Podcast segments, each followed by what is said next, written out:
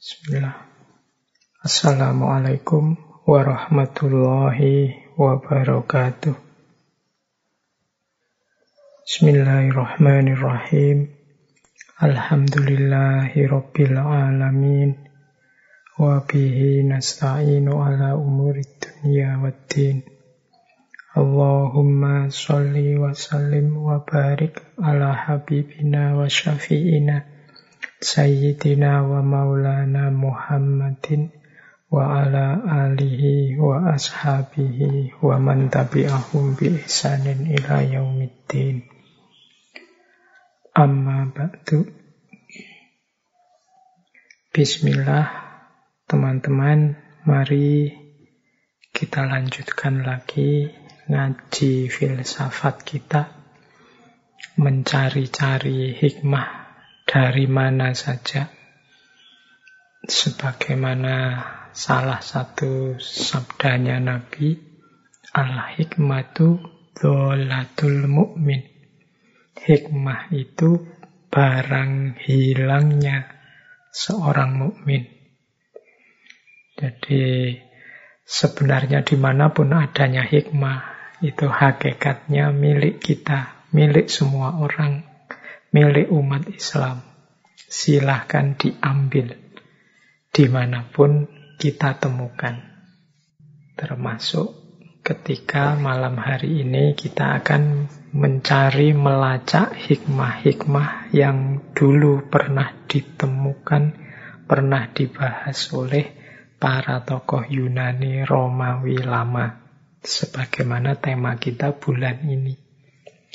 Meskipun ya malam hari ini sebenarnya masih saja kita berhadapan dengan berbagai problem peradaban yang paling memprihatinkan hari-hari ini kan masih problem pandemi. Ya semoga ngaji yang kita lakukan ini sedikit-sedikit menyibukkan kita, membuat kita beristirahat sebentar dari gegap gempita hiruk pikuk problem pandemi. Insya Allah problem-problem kita semuanya termasuk pandemi akan ada jalan keluarnya. Sebagaimana janjinya Allah sendiri, La yukallifullahu nafsan illa wus'aha. Allah tidak pernah menguji hamba-hambanya itu di luar kemampuannya. Pasti ujian pandemi ini juga sebenarnya masih dalam jangkauan kemampuan kita untuk mengatasinya. Asal kita tidak cengeng, asal kita tidak gegeran sendiri, ribut sendiri, malah nambah-nambah masalah sendiri. Mungkin di antara hikmah di balik ujian pandemi ini Allah ingin menunjukkan sekaligus menguji kita sejauh mana kita ini kompak sebagai manusia. Sejauh mana kita ini terbuka untuk saling membantu, saling menolong sesama manusia. Baik, ya kalau untuk saya dan mungkin teman-teman ya bisanya cuma mendoakan sambil sedikit-sedikit membantu mungkin memberi wawasan-wawasan yang baik untuk hidup dan kehidupan melalui filsafat. Baik, teman-teman, kita mulai ya ngaji kita. Monggo disiapkan ubor rampenya kalau memang ada yang ingin disiapkan. Mungkin kopinya, mungkin cemilannya, mungkin lesehannya. Mungkin juga ada yang butuh sedikit kertas apa pulpen untuk nulis-nulis apa, monggo. Malam hari ini kita bertemu satu lagi. Ini semacam melanjutkan minggu lalu, masih tokoh dari tradisi filsafat Stoa atau Stoikisme. Malam hari ini kalau minggu lalu kita ketemu Seneca, malam hari ini kita ketemu Cicero atau nama lengkapnya Marcus Tullius Cicero. Ini beliau ini masih termasuk filosof Stoa abad 4 sebelum Masehi sampai abad 2 Masehi. Ini era yang dikenal sebagai Roman Stoik. Jadi Stoa yang versi zaman Romawi. Meskipun begitu, Cicero ini nanti juga sebenarnya gagasan-gagasannya dianggap dekat dengan gagasan Platonisme dan Epikureanisme. Beliau ini lahir uh, sekitar 106 sebelum Masehi dan nanti meninggal 43 Masehi. Cicero ini nama panggilan. Kata Cicer itu kalau dalam bahasa Latin artinya kacang polong. Mungkin teman-teman kenal ya kacang polong itu seperti apa. Nah itu panggilannya Cicero. Beliau ini seorang politisi, yo pengacara, yo orator, ahli sastra, dan juga dikenal sebagai negarawan. Beliau ini pinter pidato, pinter nulis prosa. Makanya beliau juga disebut tokoh prosa Latin. Beliau ini dikenal sebagai pembaharu bahasa Latin pada zamannya. Tulisan-tulisannya sangat berpengaruh, termasuk pidato-pidatonya.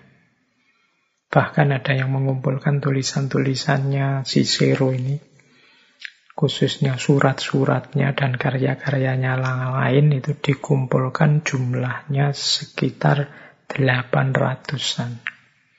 Ini dari jumlahnya saja sudah cukup kita mengangkat topi terhadap seorang Cicero. Ini bisa dibayangkan keaktifan beliau di luar Padahal beliau ini ya sepanjang hidupnya juga sibuk macam-macam termasuk beliau juga sebagai negarawan meskipun nanti di akhir hidupnya agak tragis juga. Jadi Cicero ini punya karir politik yang bagus. Awalnya beliau ini punya jabatan sebagai Dewan Pertimbangan. Kalau di Indonesia namanya Dewan Pertimbangan Agung. Ini posisi yang tertinggi di kekaisaran Romawi saat itu. Nah, cuma kemudian beliau ini konflik dengan kaisar saat itu yaitu Julius Kaisar. Tidak akur. Akhirnya beliau diasingkan. Beliau juga bermusuhan dengan orang yang menentang Julius Kaisar, yaitu Mark Antony. Dan setelah Mark Anthony mengambil kekuasaan, akhirnya dicari-carilah, dikejar-kejarlah semua musuh-musuhnya, dan kemudian Cicero ini termasuk yang ditangkap, dieksekusi, bahkan kabarnya tidak hanya dibunuh, tapi juga dimutilasi. Kemudian dipajang atau disalib tubuhnya. Baik, itu salah satu cerita. Ini seperti saya bilang minggu lalu ya, tokoh-tokoh kita bulan ini kontribusinya besar tapi akhir hidupnya tidak terlalu menggembirakan.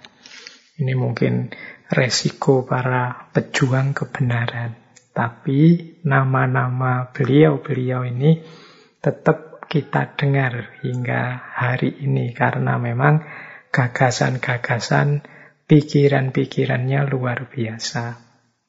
Itulah nanti antara lain yang akan kita ulas malam hari ini. Cicero ini dikenal sekali gagasan-gagasannya dalam bidang politik, dalam bidang hukum, dan tentu saja etika, filsafat, dan juga retorika. Seperti Seneca minggu lalu ya kita tidak mungkin membahas semuanya. Malam hari ini kita ambil yang sempat saja, yang mampu kita bahas saja.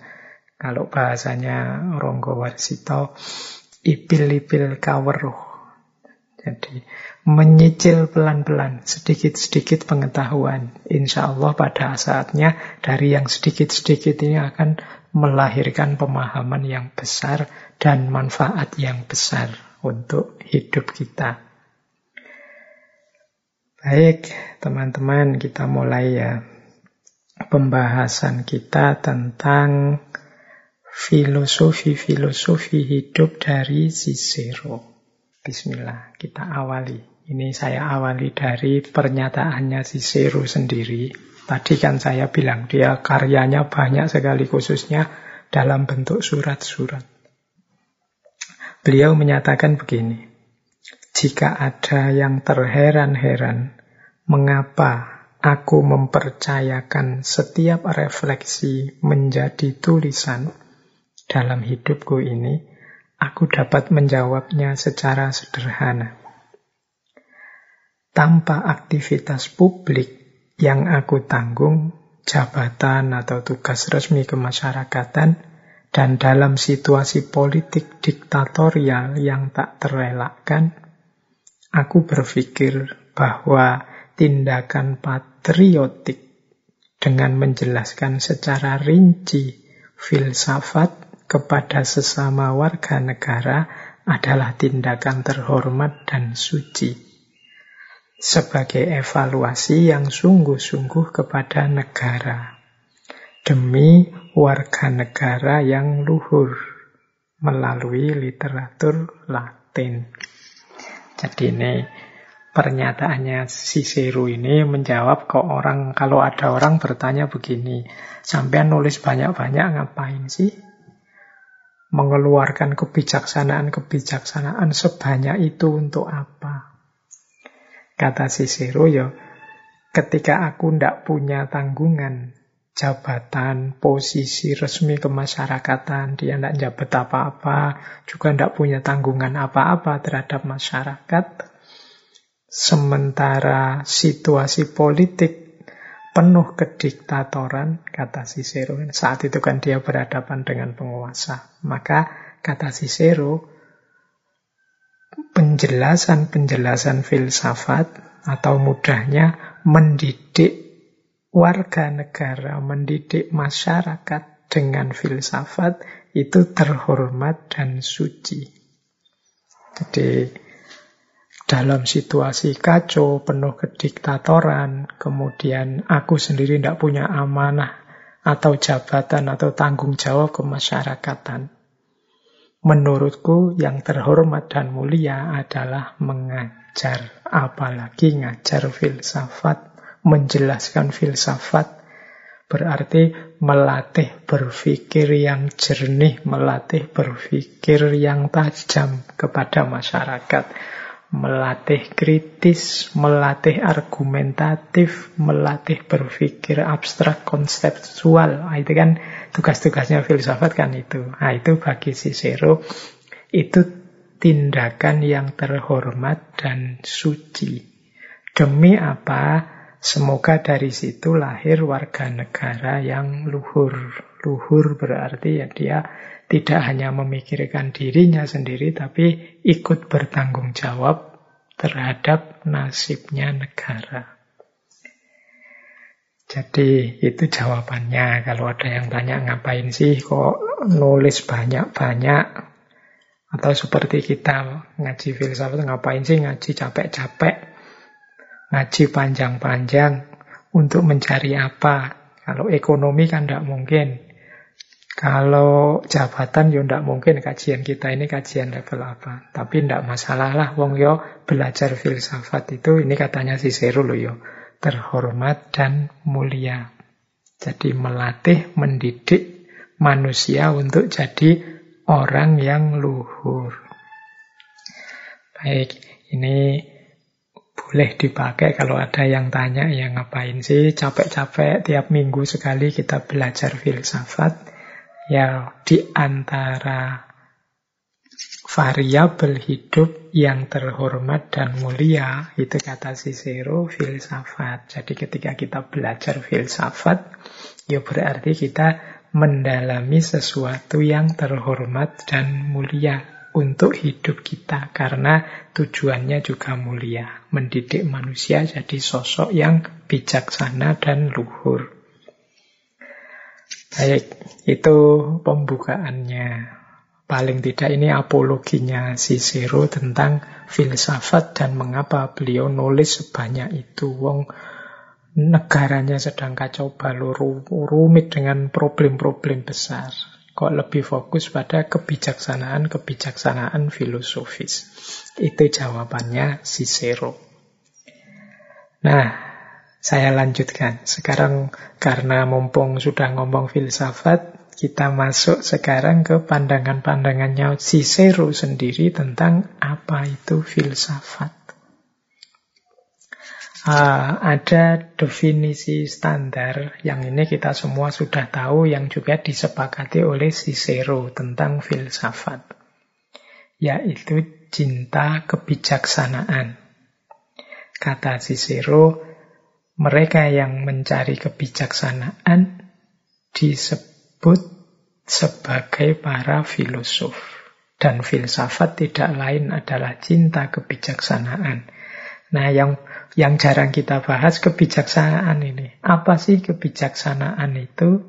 Kata Cicero, kebijaksanaan itu pengetahuan tentang segala sesuatu yang manusiawi dan yang ilahi. Dan bagaimana menguasai dan mengendalikan semua itu.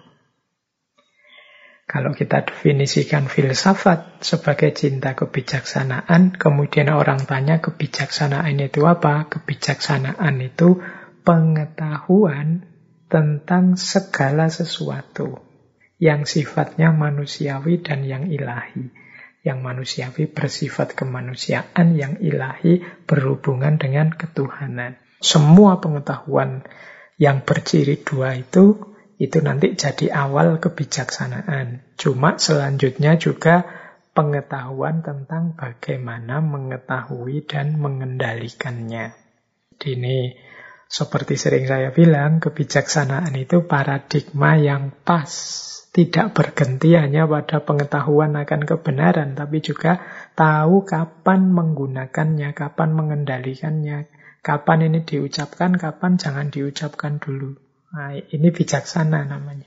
Kapan disampaikan, kapan ditunggu dulu, kapan menyampaikannya langsung, kapan menyampaikannya dengan ilustrasi-ilustrasi untuk memancing pemahaman. Nah, ini namanya kebijaksanaan. Jadi kebijaksanaan itu unsurnya pasti tidak hanya pikiran atau intelektual, tapi juga pemahaman tentang kenyataan. Jadi benar saja masih belum. Tapi harus benar dan pas sesuai konteksnya. Banyak kebenaran yang jadinya tidak bijaksana ketika ruang dan waktunya tidak pas menggunakannya. Misalnya hari ini banyak saudara-saudara kita, teman kita, tetangga kita yang terkena COVID, kemudian banyak pula di antaranya yang meninggal.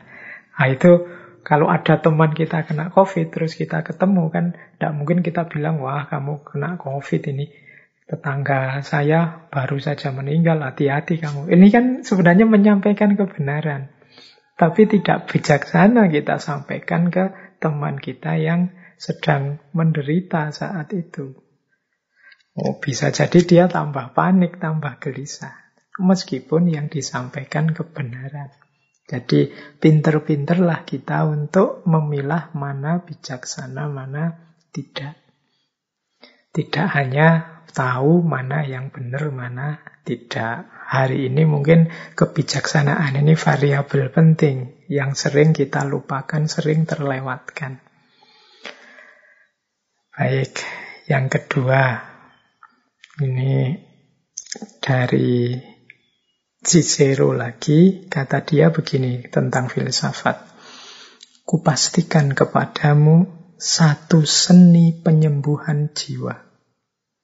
Tidak sebagaimana penyakit tubuh lainnya yang obatnya harus dicari di luar diri. Seni itu adalah filsafat.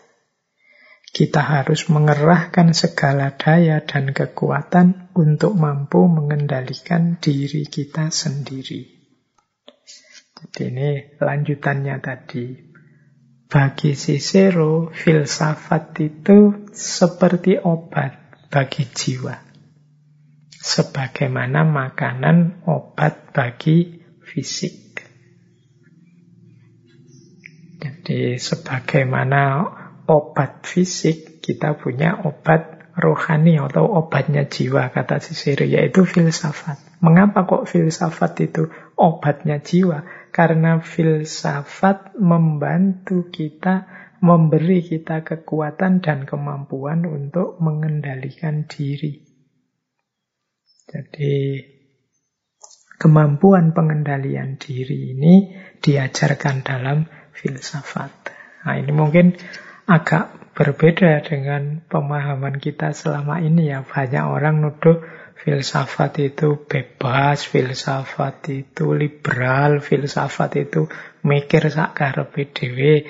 Ndak, ndak begitu. Justru filsafat itu, kata Cicero, melatih kita untuk mengendalikan diri. Mengendalikan diri maksudnya apa? Berpikir secara tertib, tertata, ndak justru tidak sakar PDW. Justru tidak nyari ingin menangnya sendiri, enggak. Jadi perilaku filosofis itu justru berpikir yang terkendali dalam kuasa kita, bukan berpikir yang tanpa dikendalikan. Jadi kalau kita mampu melakukan itu, di situ nanti filsafat akan berperan menjadi obat bagi jiwa kita. Obatnya di mana? Dia menjawab kegelisahan-kegelisahan kita. Dia menenangkan kegalauan kita. Dia menunjukkan kejernihan ke dalam diri kita. Maka jiwa kita kemudian jadi tenang. Jadi versinya Cicero ya justru filsafat itu berpikir yang tertata, terkendali dalam kuasa kita untuk menjawab problem-problem hidup kita. Di situlah nanti dia berperan sebagai penyembuhan jiwa. Terus, jadi ini masih tentang filsafat. Yang ketiga, ada lagi kalimat yang populer sekali dari Cicero tentang filsafat. Yaitu kata dia, belajar filsafat itu tidak lain mempersiapkan diri menuju kematian. Wah, ini yang berat ya. Ternyata kata Cicero, belajar filsafat itu harus siap-siap menuju kematian. Ini kata mutiara ini maknanya bisa macam-macam. Bisa kita artikan begini. Belajar filsafat itu berarti orang hanya berkomitmen pada kebenaran menem, yang benar disampaikan sebagai benar, yang salah dibunyikan sebagai salah. Dia kritis, dia argumentatif, dia tidak hanya manut saja, ikut saja apa yang terjadi di sekeliling. Bahkan mungkin gagasan-gagasannya nabrak keyakinan umum orang banyak. Maka siap-siaplah berfilsafat itu bisa jadi mempersiapkan diri kita menuju kesulitan bahkan kematian. Ini makna yang pertama, bahwa filsafat itu siap-siap menuju kematian. Ini kan bisa terbukti dari tokoh-tokoh kita bulan ini, Yosicero, Yoseneca, Protagoras, Hippocrates, itu semuanya akhir hidupnya mengenaskan filsafat membawanya kepada kematian. Nah, yo ini yang tadi semangat belajar jadi mengkeret lagi, ndak? Ndak, ndak begitu. Justru kematian yang dibawa oleh filsafat sebagaimana tokoh-tokoh tadi kan itu kematian yang membanggakan. Kematian demi kebenaran. Kematian demi perjuangan yang mulia. Buktinya nama-nama mereka masih kita kenang sampai saat ini. Tapi itu makna yang pertama. Bisa juga kata-kata quotes dari Cicero ini kita maknai begini. Berfilsafat itu pada dasarnya adalah perjuangan menaklukkan diri kita sendiri. Hasrat kita, ego kita, ambisi kita, hawa nafsu kita, keinginan-keinginan egois kita. Berat dan sangat pahit. Jadi kadang-kadang kebenaran yang kita temukan itu bukan kebenaran yang kita inginkan. Kadang-kadang kebenaran yang kita dapatkan itu justru nabrak kenama kenyamanan, kenikmatan kita selama ini. Tapi sebagai tuntutan cinta akan kebijaksanaan tadi, mau tidak mau kita korbankan ego kita, kita korbankan hasrat, hawa nafsu, keinginan-keinginan egois kita. Oh ini kan seperti orang yang dalam tanda petik membunuh dirinya sendiri. Jadi dengan makna ini pula bisa kita pahami kalimatnya Cicero bahwa belajar filsafat itu tidak lain mempersiapkan diri menuju kematian. Oke, kalau di makna yang kedua ini mungkin teman-teman lebih serg ya, lebih cocok. Tidak mengerikan lagi.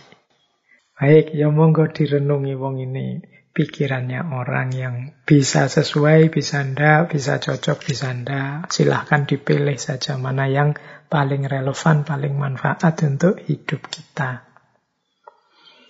Nah, saya tambah satu lagi yang tentang filsafat ini, khususnya tentang pemikiran. Kata Cicero begini, pikiran itu terbiasa dengan hal-hal yang biasa dilihatnya. Sehingga kemudian dia berhenti heran, tidak lagi mencari tahu, kemudian tidak lagi mencari alasan apa yang dilihatnya sepanjang waktu. Jadi maksudnya Cicero itu begini loh. Banyak orang yang kemudian berhenti berfilsafat Mengapa? Karena dia merasa sudah tahu segalanya, sudah menemukan kebenaran tentang banyak hal. Padahal dia tidak sadar, yang dia yakini sebagai kebenaran itu sebenarnya hanya kebiasaan. Kebiasaan itu ya karena dia tiap hari melihat itu, tiap hari mendengar itu, tiap hari akrab dengan itu, akhirnya yang dia lihat, dia dengar terus-menerus itu dianggap sebagai kebenaran. Karena sudah dianggap sebagai kebenaran, dia tidak bertanya lagi, tidak membahas lagi, tidak mengulas lagi. Dia merasa sudah tahu dan sudah benar. Akhirnya kemudian berhenti berfilsafat. Berhenti berfilsafat itu berhenti berpikir mendalam, berhenti melakukan refleksi-refleksi kritis terhadap hidupnya. Ya kalau orang sudah berhenti memikirkan hidupnya, ya dia pasti mandek. Selesai, tidak lagi berkembang. Bahkan mungkin tidak sadar kalau dirinya mungkin saja salah. Ini kebalikannya tadi, ini semacam bunuh diri kefilsafatan. Berhenti berfilsafat sehingga tidak sadar tentang kebenaran atau kebaikan ataukah kesalahan, kekeliruan dirinya karena sudah tidak mempertanyakan lagi. Mengapa tidak mempertanyakan lagi? Karena sudah terbiasa. Kita ini kalau sudah terbiasa dengan apa kan sudah biasanya terus jadi kebal nganggap yang ya karena biasanya sudah begitu kok Pak dianggap kita anggap benar begitu saja jalannya selama ini seperti itu kok Pak terus kita anggap ya sudah berarti itulah yang benar padahal mungkin kalau dibahas serius kalau kita selami kalau kita dalami ada banyak masalah yang bisa dipertanyakan dari yang tadi hanya kita terima begitu saja maka hati-hatilah dengan pikiran yang terbiasa dalam tanda petik. Ya mungkin termasuk ngaji kita ini. Teman-teman mungkin yang sudah merasa nyaman dengan ngaji semacam ini yang dari saya terus menganggapnya yang saya ucapkan mesti benar kabeh. Itu sebenarnya semangat seperti itu justru berlawanan dengan cita-cita ngaji kita ini. Karena ngaji kita ini menyuruh kita ngaji kita ini misinya adalah membangkitkan semangat gairah untuk belajar, bertanya, tidak mudah menerima apa pun yang ada di sekeliling kita, apalagi hanya ikut-ikutan yang terjadi di sekeliling kita. Jadi justru kalau sikapnya kemudian begitu, bahkan terhadap ngaji kita ini, ya berarti ada yang salah dalam menyikapinya. Jangan sampai pikiran kita kemudian jadi pikiran yang mati, tidak hidup ikut saja arus. Yang lain ke utara ikut ke utara, yang lain ke selatan ikut ke selatan. Baik, kita lanjutkan. Alhamdulillah sudah membahas tema pertama dari Cicero tentang filsafat. Sekarang kita bahas lebih jauh tentang kebijaksanaan-kebijaksanaan hidup dari Cicero. Temanya sekarang kebijaksanaan. Tadi kan sedikit dijelaskan bahwa kebijaksanaan itu adalah tentang yang manusiawi dan tentang yang ilahiyah. Nah, sekarang lebih praktis kita lihat tips-tips apa sih untuk menyikapi hidup secara bijaksana dari seorang Cicero. Ini nanti temanya macam-macam. Cuma saya klasifikasi jadi oh ini jenis kebijakan hidup yang direkomendasi oleh Cicero. Ya nanti ada banyak tema lain seperti di Seneca. Semoga malam hari ini kita dapat banyak wawasan baru. Nah yang pertama kata Cicero begini.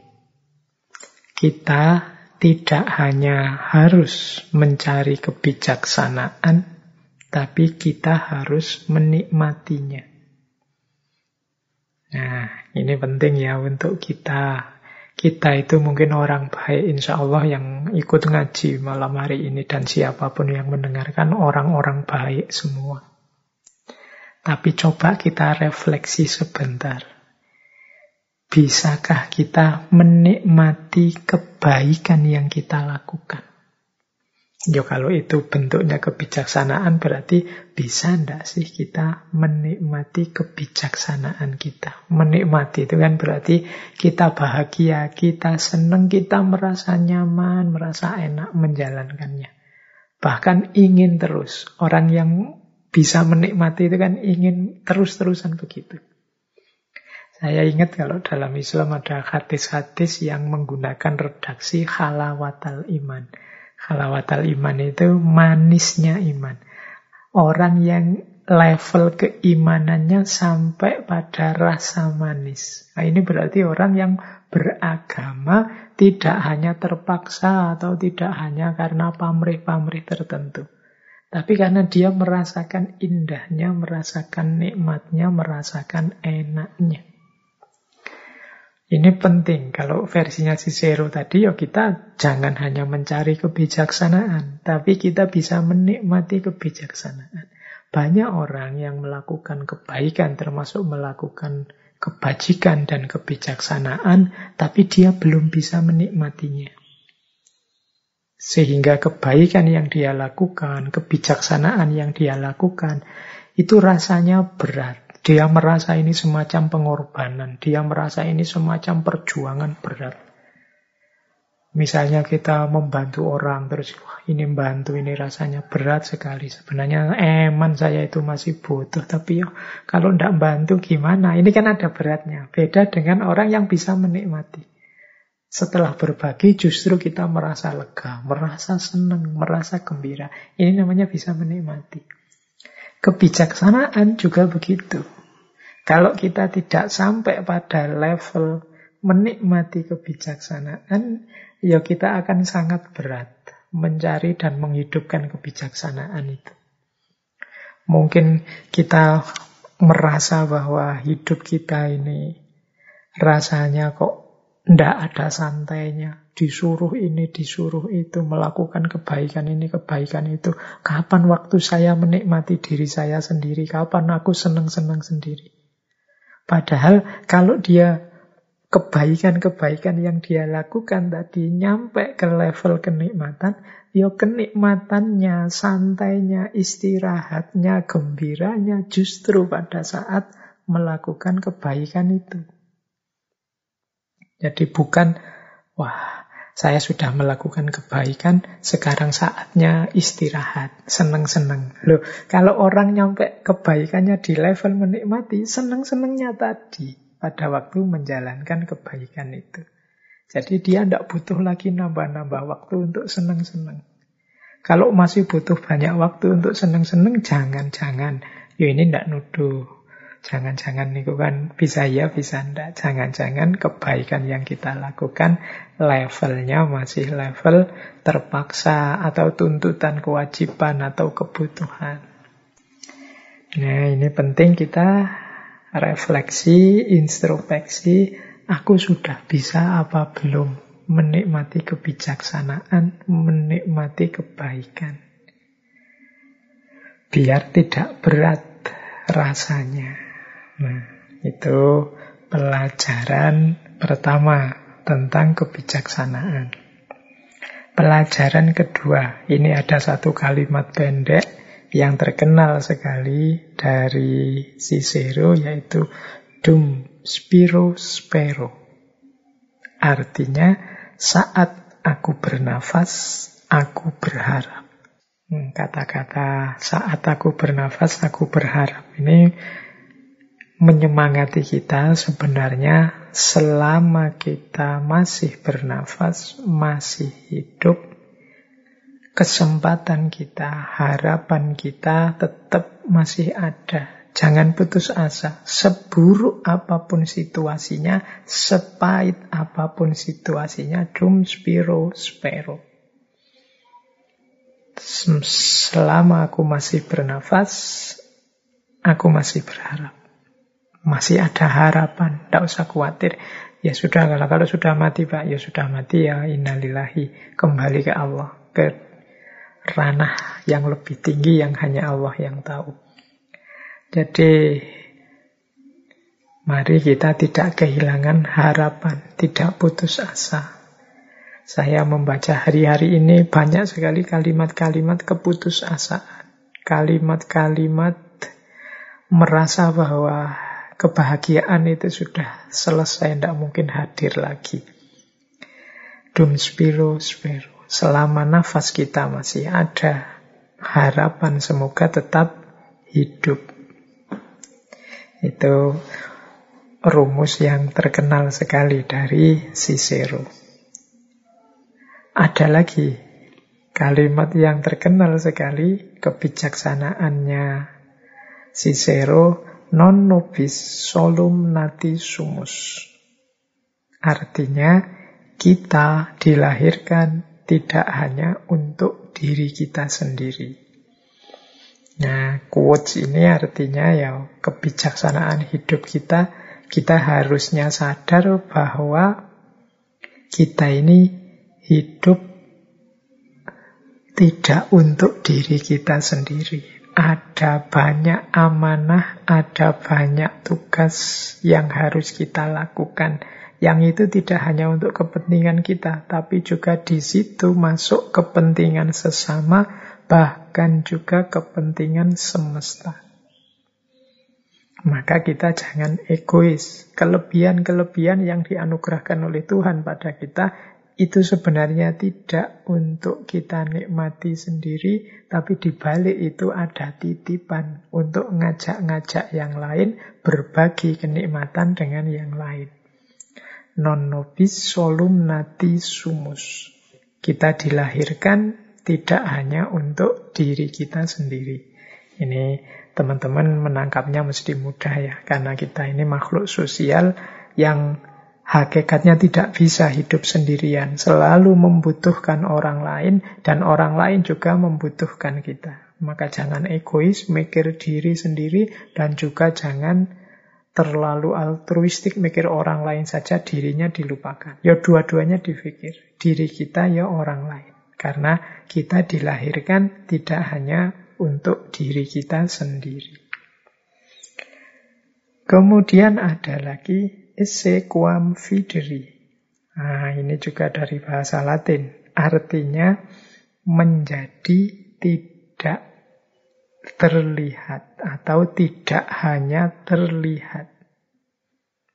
Ini maksudnya menjadi tidak hanya terlihat itu yuk dalam hidup ini mari melakukan kebaikan, mari memperbaiki diri, mari meningkatkan kualitas diri kita, hidup kita. Tidak harus peduli apakah orang lain tahu atau tidak. Apakah orang lain mengakui atau tidak. Jangan sebaliknya. Terlihat saja tapi tidak ada perubahan apa-apa. Hari ini kita menyebutnya pencitraan. Ini kebalikannya. Kalau tadi menjadi tetapi tidak terlihat, ada yang terlihat tapi tidak menjadi. Kelihatannya kok bagus, kelihatannya kok indah, kelihatannya kok mengesankan. Tapi ternyata sama saja dengan dulu. Nah, itu berarti terlihat tapi tidak menjadi. Hidup kita rumusnya harus dibalik. Mari kita jadi lebih baik, lebih baik, lebih baik terus-menerus meskipun orang tidak tahu, meskipun orang tidak melihat, meskipun orang tidak mengakui, meskipun orang tidak peduli dengan situasi kita. Nah, jadi ini beberapa kalimat-kalimat pendek kebijaksanaan yang populer sekali dari Cicero. Yaitu saat aku bernafas, aku berharap kita dilahirkan tidak hanya untuk menjadi diri sendiri. Dan mari kita menjadi, tidak hanya terlihat. Baik, kita lanjutkan ya pelajaran kebijaksanaan yang lain. Satu ketika Cicero berkata begini, Aku mengkritik dengan berkarya, bukan dengan menemukan kesalahan. I criticize by creation, not by finding fault. Ini mungkin menarik ya, pelajaran cara mengkritik yang elegan. Versinya Cicero. Kata Cicero, kalau aku ngeritik dengan karya. Tidak dengan nuding-nuding mencari kesalahan orang. Ini semacam teori fastabikul khairat. Untuk menunjukkan bahwa ada yang keliru dalam orang lain, kita lakukan kebaikan yang sebaliknya. Sehingga nanti orang lain sadar bahwa, oh yang tadi keliru, yang benar yang ini. Nah, itu mengkritiknya dengan karya, menciptakan sesuatu, bukan dengan menemukan kesalahan orang lain. Biarlah bahkan nanti yang salah itu juga belajar dari kebenaran, kebaikan yang kita lakukan. Jadi orang terus sadar sendiri, oh ternyata aku salah, lebih bagus yang itu loh, lebih baik yang itu loh. Nah, Meskipun yang itu itu ndak nuding-nuding kesalahan kita, ndak nunjuk-nunjuk kesalahan kita, tapi kita yang salah sadar sendiri begitu mendengarkan dia atau melihat dia. Melihat karyanya, mendengarkan karyanya. Aku mengkritik dengan berkarya, bukan dengan menemukan kesalahan. Kalau hari ini kan kita sebaliknya, banyak orang yang saling nuding, tapi tidak produktif. Salah menyalahkan terus. Dan tidak ada apa-apa, tidak ada kontribusi apa-apa, tidak ada produksi apa-apa. Isinya saling nuting, saling nyalahin terus. Nah itu namanya bukan mengkritik dengan karya, tapi mengkritik dengan nuting. Ya mungkin pada akhirnya ditemukan kebenaran, tapi biasanya muncul efek-efek samping. Mungkin kehilangan teman, mungkin persatuan yang pecah, dan lain sebagainya. Tapi saling belajar dengan masing-masing berkarya itu akan lebih produktif. Nah ini yang saya pahami dari kalimatnya Cicero, aku mengkritik dengan karya, bukan dengan menemukan kesalahan.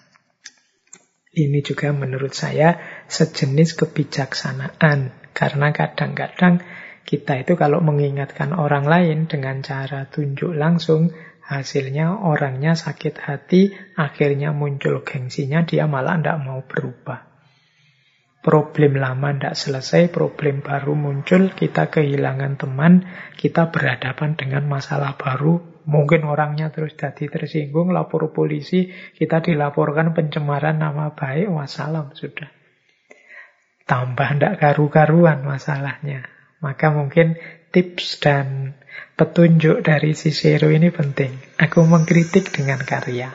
Berkaryalah dengan cara lebih berkualitas yang bisa menampakkan mungkin karya yang lain yang ada salah-salahnya. Sehingga orang nanti sadar sendiri bahwa, oh ini lebih baik. Oh cara berpikir ini lebih benar. Oh pandangan semacam ini lebih bertanggung jawab. Ah, itu lebih enak. Daripada kita nabrak langsung gagasan orang yang berbeda. Baik, ini sebenarnya masih banyak wawasan-wawasan wong bukunya Cicero itu beberapa diterjemah juga tebal-tebal karya-karyanya sampai 800-an lebih ini agak sulit kalau kita hanya ramu di satu sesi pertemuan seperti malam hari ini. Tapi ya malam hari ini kita gembira saja, kita loncat kiri, loncat kanan, cari yang sekiranya menarik kita bahas itu saja. Tidak ada rumus apa-apa. Kita gembirai ide-ide, gagasan-gagasan luar biasa dari Cicero ini. Baik, kita lanjutkan. Tentang kebijaksanaan mungkin kita cukupkan dulu sementara. Kita membahas tema yang lain. Nah, sekarang kita bahas kebajikan. Khususnya kebajikan sosial. Kebajikan itu kan perbuatan baik kita kepada sesama. Nah, ada satu quote yang bagus dari Cicero begini. Kehidupan yang diberikan kepada kita secara alami itu pendek. Namun, kenangan tentang kebaikan di dalamnya itu abadi. Ini maksudnya pernyataan ini, hidup kita sebagai manusia itu kan pendek. Usia manusia itu paling berapa sih? Kalau zaman ini mungkin 80 tahun atau 100 tahun itu sudah sangat luar biasa. Rata-rata mungkin ya 60-70 manusia hari ini. Itu kan pendek. Kalau ingin panjang, apa yang harus kita lakukan? Kebaikan. Karena kebaikan itu akan dikenang. Dan kenangan akan kebaikan itu abadi. Dalam abadi dalam tanda petik ya. Abadi versinya manusia. Selama manusia ada dia akan dikenang. Maka strategi untuk panjang umur itu sebenarnya strategi dengan jalan melakukan kebaikan sebanyak-banyaknya yang dikenang orang. Jadi mari melakukan kebajikan sebanyak-banyaknya. Ini berhubungan dengan pernyataan selanjutnya dari Cicero, kehidupan orang yang sudah meninggal terletak dalam kenangan mereka yang hidup. Cinta yang diberikan dalam kehidupan membuat seseorang hidup melampaui waktunya sendiri. Siapa pun yang dicintai akan selalu hidup dalam hati orang lain. Jadi tadi kan saya bilang untuk kita mengabadi, dikenang terus, ya mari hidup dengan kebaikan-kebaikan, jasa-jasa besar untuk orang lain, maka kita akan selalu dikenang.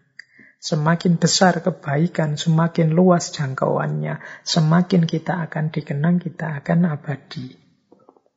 Termasuk yang kedua ini, yaitu kenangan cinta. Kalau sudah tentang cinta ini kan kita tidak bisa bantah. Orang yang jatuh cinta, Baik dia sedang mencintai atau sedang dicintai. Kenangan, gambar, memori tentang orang yang dicintai itu akan selalu hidup dalam dirinya. Jadi, tidak akan berhenti kenangan tentang cinta itu dalam diri kita. Itu nama lainnya apa? Orang yang kita cintai itu akan selalu hidup selama kita masih hidup. Yo, kalau teman-teman belajar kisah-kisah cinta, Romeo and Juliet, Yusuf Julaikho, dan macam-macam bagaimana kenangan cinta itu tidak mungkin bisa padam, tidak mungkin bisa lupa. Teman-teman yang patah hati lah, atau yang mungkin ada bapak ibu yang mendengarkan ngaji ini, yang dulunya pernah punya pacar, apa pernah jatuh cinta sama siapa. Kenangan tentang cinta itu kan hidup terus dalam batinnya. Bahkan mungkin sampai besok mati. Nah, ini salah satu strategi kalau menurut Cicero. Berarti apa? Hidupkan dirimu dalam cintanya orang lain. Lakukan apa pun yang membuat orang lain suka dan cinta kepada kita. Lakukan kebaikan-kebaikan yang membuat orang sayang kepada kita. Maka umur kita yang pendek itu akan jadi sangat panjang. Sepanjang hidup mereka yang mencintai kita. Kalau anak-anak kita begitu sayang, begitu mencintai kita, maka meskipun kita tidak ada, diri kita masih hidup di hati-hati mereka, bahkan sampai nanti mereka meninggal.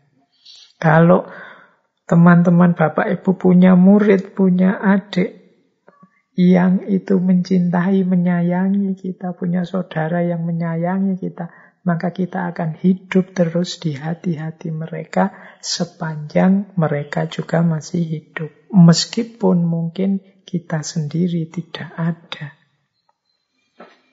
Jadi ini kalau dalam filsafat kan dikenal namanya ada problem kelangkaan. Problem kelangkaan itu di antara kegelisahannya manusia adalah umurku ini pendek. Aku hari ini ada, mungkin 10-20 tahun lagi sudah tidak ada. Aku sekarang kuat, besok akan lenyap. Nah, untuk mengatasinya ternyata kalau menurut Cicero ya lakukan saja kebaikan, kebajikan sebanyak mungkin sehingga menimbulkan rasa cinta, rasa sayang, rasa hormat orang pada kita, maka saat itulah pendeknya usia sudah tidak lagi jadi masalah. Karena kita akan terus hidup di hati mereka yang mencintai kita. Nah, ini tentang pentingnya kebajikan kepada sesama atau kebajikan sosial. Terus, nah ini teori sebaliknya tentang kebajikan sosial. Ini orang yang tidak peduli cintanya orang lain, tidak peduli dengan perbuatannya baik atau tidak, orang yang hanya mencari keuntungan saja. Kata Cicero begini, orang yang mengambil sesuatu dari orang lain dan meningkatkan keuntungannya sendiri dengan mengorbankan keuntungan orang lain, ia lebih buruk daripada kematian, daripada kemiskinan, daripada penderitaan yang mungkin menimpa tubuh atau hak milik eksternal lainnya. Jadi kalau ada orang yang memposisikan orang lain hanya sebagai jalan untuk keuntungannya sendiri, yang mengorbankan orang lain untuk kesenangannya sendiri, orang ini, kata Cicero, lebih buruk daripada kematian, lebih buruk daripada kemiskinan, lebih buruk daripada penderitaan. Ya bahasa lainnya nih orang yang sangat-sangat buruk. Orang yang tidak memikirkan kebaikan orang lain, orang yang tidak menjalankan kebajikan tapi hanya mencari keuntungan. Kata Cicero, rumusnya orang hidup itu tidak begitu.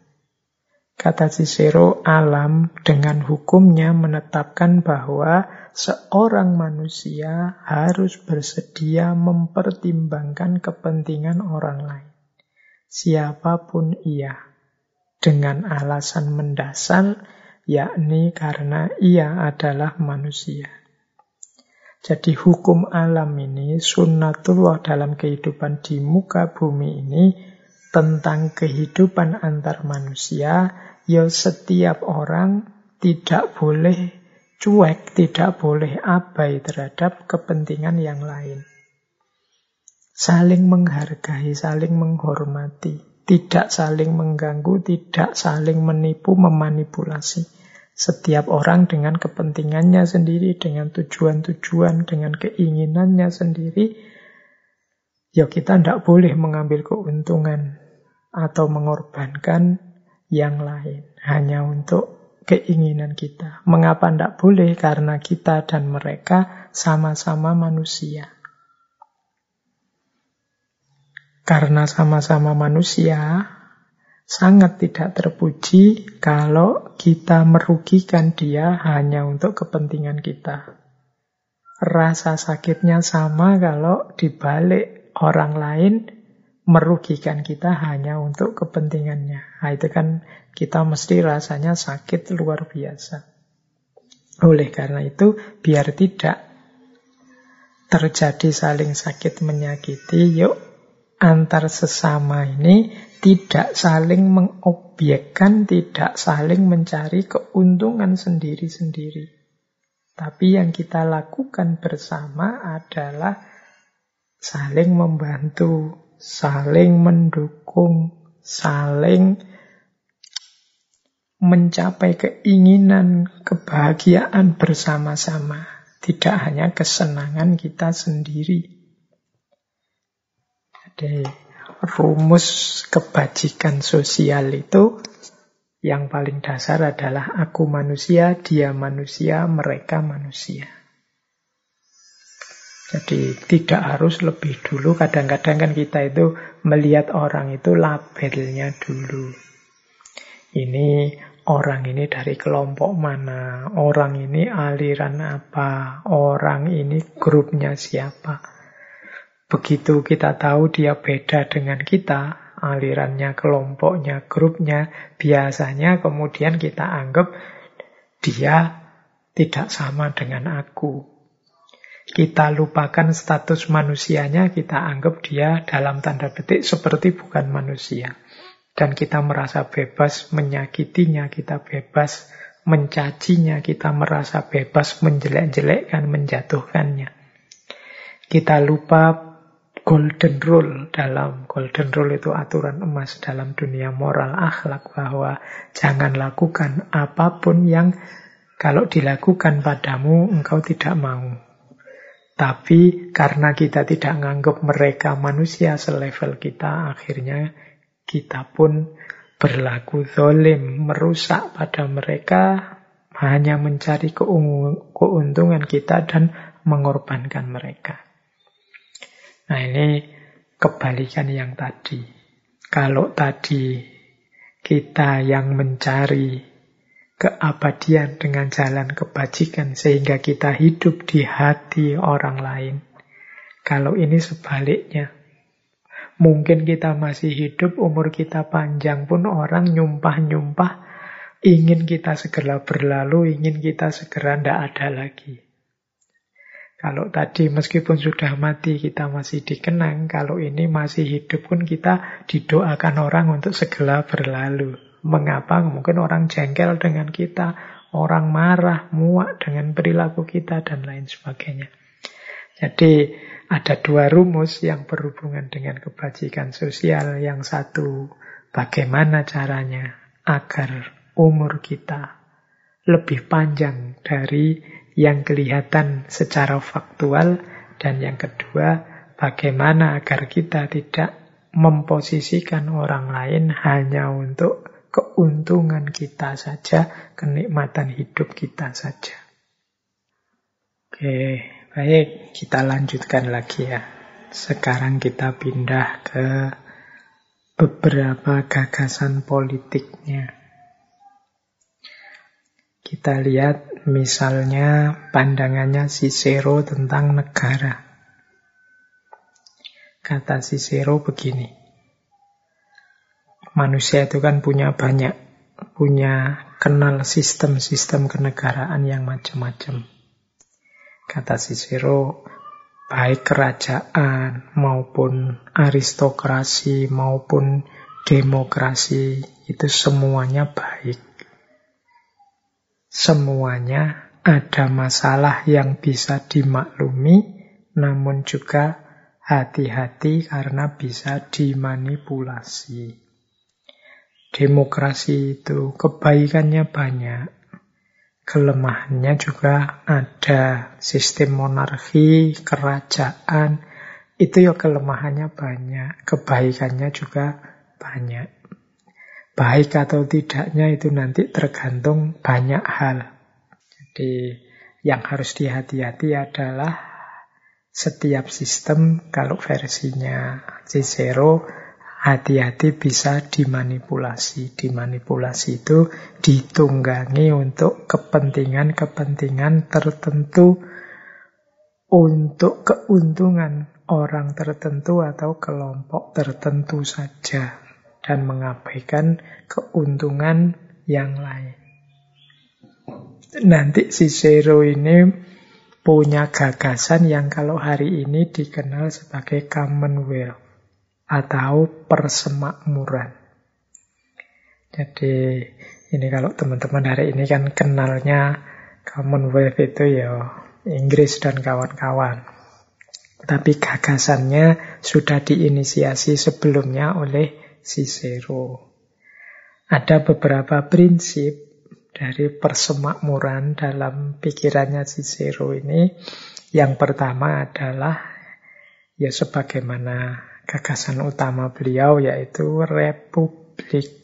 Republik itu dari kata res dan publika yang artinya ber ih apa republik artinya republika itu urusan awam urusan publik urusan rakyat jadi pemerintahan republik itu berarti pemerintahan yang berporos pada rakyat.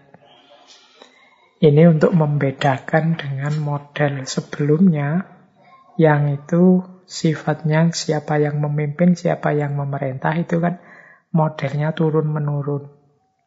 Turun-temurun dari bapaknya, anaknya, atau mungkin sifatnya kelompok oligarki, dari kelompok ini saja, dari grup ini saja, dari terah ini saja, dan seterusnya. Nah, kalau republikan tidak begitu. Pemerintahan republik itu berarti porosnya ada pada rakyat. Siapa yang mimpin, siapa yang diangkat jadi pengurus, pemimpin itu keputusan mutlak ada di tangan rakyat. Jadi usulannya Cicero ya bikin persemakmuran yang nanti modelnya republik, kemudian lahir dari spirit sosial manusia, karena manusia itu saling membutuhkan, karena manusia itu butuh saling mendukung, bekerja sama. Untuk mencapai tujuan-tujuan besarnya, mereka butuh satu wadah persemakmuran yang bisa saling mendukung, saling membantu. Cirinya kalau dalam gagasannya Cicero nanti ada empat, yaitu equality, liberty, law, and justice. Equality itu kesetaraan, liberty itu kemerdekaan, kebebasan, law itu hukum, dan justice itu keadilan. Ini harus hidup dalam persemakmuran. Tidak ada yang merasa lebih tinggi atau merasa direndahkan yang lain. Karena semuanya posisinya setara. Kemudian semuanya bebas berekspresi, bebas menyatakan pendapat, punya hak bersuara, bekerja, bertindak yang sama. Liberty. Kemudian law, hukum. Hukum harus kuat. Yang salah ya diputus salah. Yang keliru dihukum sesuai kadar kekeliruannya. Jadi hukum harus tegak itu law. Dan yang keempat justice. Justice itu keadilan. Ini nanti akan jadi kunci. Bisa lanjut aman, nyaman, sejahtera atau tidak, ya antara lain kuncinya adil. Jadi equal, liberty, law and justice ini nanti menjadi kunci utama tegaknya negara atau Commonwealth, persemakmuran versinya Cicero. Yo, kalau teman-teman yang belum tahu yang mudahnya Commonwealth itu satu persatuan dari beberapa wilayah atau beberapa negara secara sukarela. Nah, terus yang populer lagi dari gagasannya Cicero adalah pandangannya tentang politisi. Atau yang ideal ya kita menyebutnya negarawan. Jadi menurut Cicero, baiknya sistem politik itu tergantung pada etika politik. Dan etika politik itu berarti perilakunya para negarawan ini. Bagaimana para negarawan ini mengelola kota, mengelola negara dengan keputusan-keputusan yang bijaksana dengan contoh-contoh yang bermoral. Kata Cicero suatu ketika pada kakek beliau yang namanya Africanus. Ini kakeknya Cicero. Kata Cicero begini pada kakeknya. Kakeknya ini juga orang besar. Ketahuilah Africanus, jalan masuk ke surga terbuka bagi orang yang berjasa kepada negaranya. Meskipun sejak anak-anak aku mengikuti jejakmu dan ayahku, sehingga tidak jauh dari kemasyhuranmu, kini ketika ganjaran besar terungkap padaku, aku akan terus berjuang dengan keras. Jadi ini semacam tekadnya Cicero di depan kakek beliau, Africanus. Kata Cicero, Jalan surga terbuka bagi orang yang berjasa kepada negara. Ini termasuk idealisme yang dipegangi oleh Cicero. Makanya beliau sangat serius sekali mengabdikan hidupnya untuk kebaikan negaranya meskipun nanti belakangan mendapat sandungan-sandungan yang pada akhirnya malah beliau dieksekusi. Tapi Cicero punya prinsip jalan surga terbuka bagi orang yang berjasa kepada negara yang cinta tanah air. Sejak kecil aku mengikuti jejakmu, berarti jejaknya Afrikanus kakeknya dan ayahku. Ini dua orang ini juga pejabat negara sehingga jasanya juga besar bagi negara. Kini ketika ganjaran besar itu terungkap padaku, aku akan terus berjuang dengan keras. Jadi sekarang saatnya aku yang mengabdi pada negara. Ini pandangannya seorang Cicero tentang mulianya seorang negarawan. Hari ini kita mungkin ketemu banyak narasi tentang jahatnya dunia politik, tentang buruknya para politisi. Hakikatnya sebenarnya menjadi politisi itu pekerjaan yang mulia. Karena berpolitik itu kan mengabdikan diri untuk ikut mengatur masyarakat, menata masyarakat demi kesejahteraan bersama. Hanya saja memang banyak politikus-politikus yang melupakan hakikat kerja politiknya. Sehingga kemudian yang lahir adalah bukan politik yang etis, tapi politik yang justru memburukkan dunia politik, membuat orang enggan dekat-dekat dengan ranah politik. Yo kalau semua orang menjauh dari politik, lo nanti sopo yang ngurusi kehidupan sosial kita, kehidupan bareng-bareng kita ini. Jadi yo jalannya bukan hidup tanpa politik, tapi Semoga para politisi itu sekaligus para negarawan, orang-orang yang memang mengabdikan hidupnya untuk kepentingan bersama, kepentingannya rakyat. Kalau ini yang dilakukan, ya seperti kata Cicero tadi, dia akan jadi jalan masuk ke surga.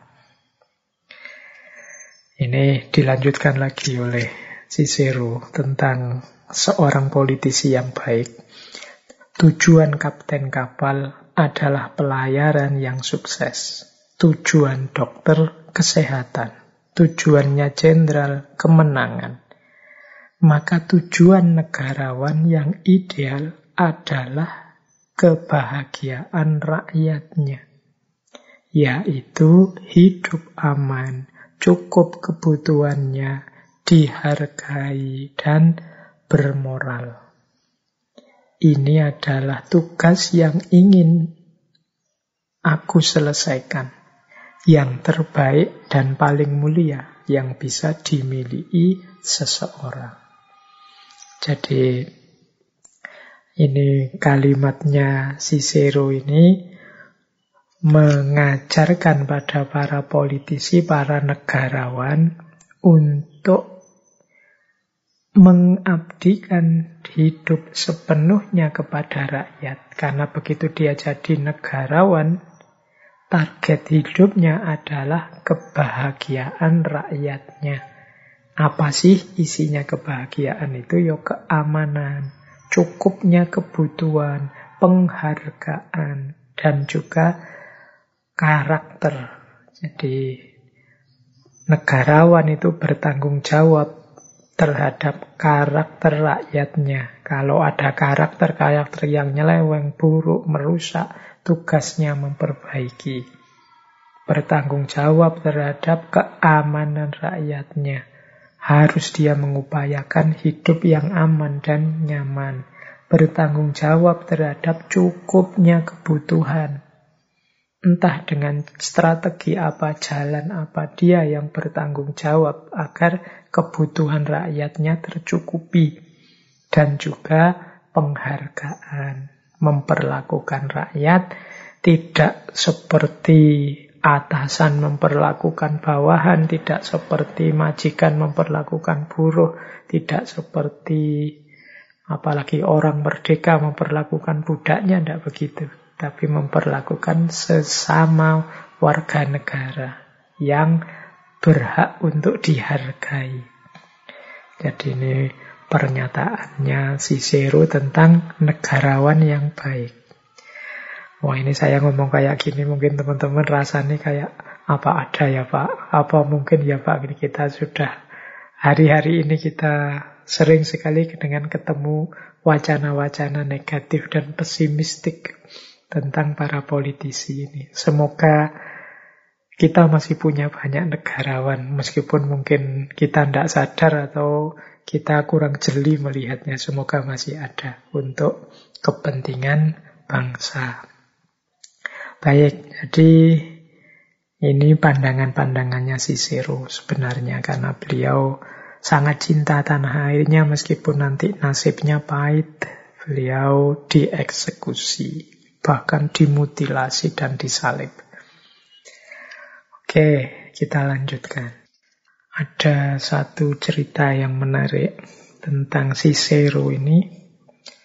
Jadi satu ketika dia berkonflik dengan negarawan atau politikus yang lain yang namanya Lucius Sergius Catalina. Lucius Sergius Catalina ini bangsawan keluarga politikus Romawi, tapi dikenal sebagai seorang demagog.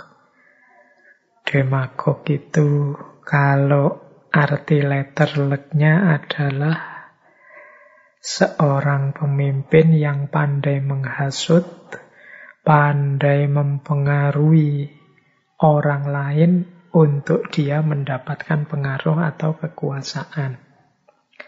Jadi ini istilahnya demagog. Nah, Catalina ini politikus, pinter pidato. Kalau pidato dia suka meminjam suaranya rakyat. Pokoknya ya mungkin dengan kalimat-kalimat rakyat membutuhkan sesuai aspirasi rakyat, sesuai keinginan rakyat. Ini gayanya Katalin saat itu. Dan dengan kepandaiannya berorasi, berretorika, dia ini pengikutnya akhirnya banyak. Dan dia manfaatkan power, pengaruh, dan kekuasaannya ini untuk kepentingan-kepentingan politiknya. Sehingga muncul banyak masalah terjadi kekacauan-kekacauan, kekisruan-kekisruan.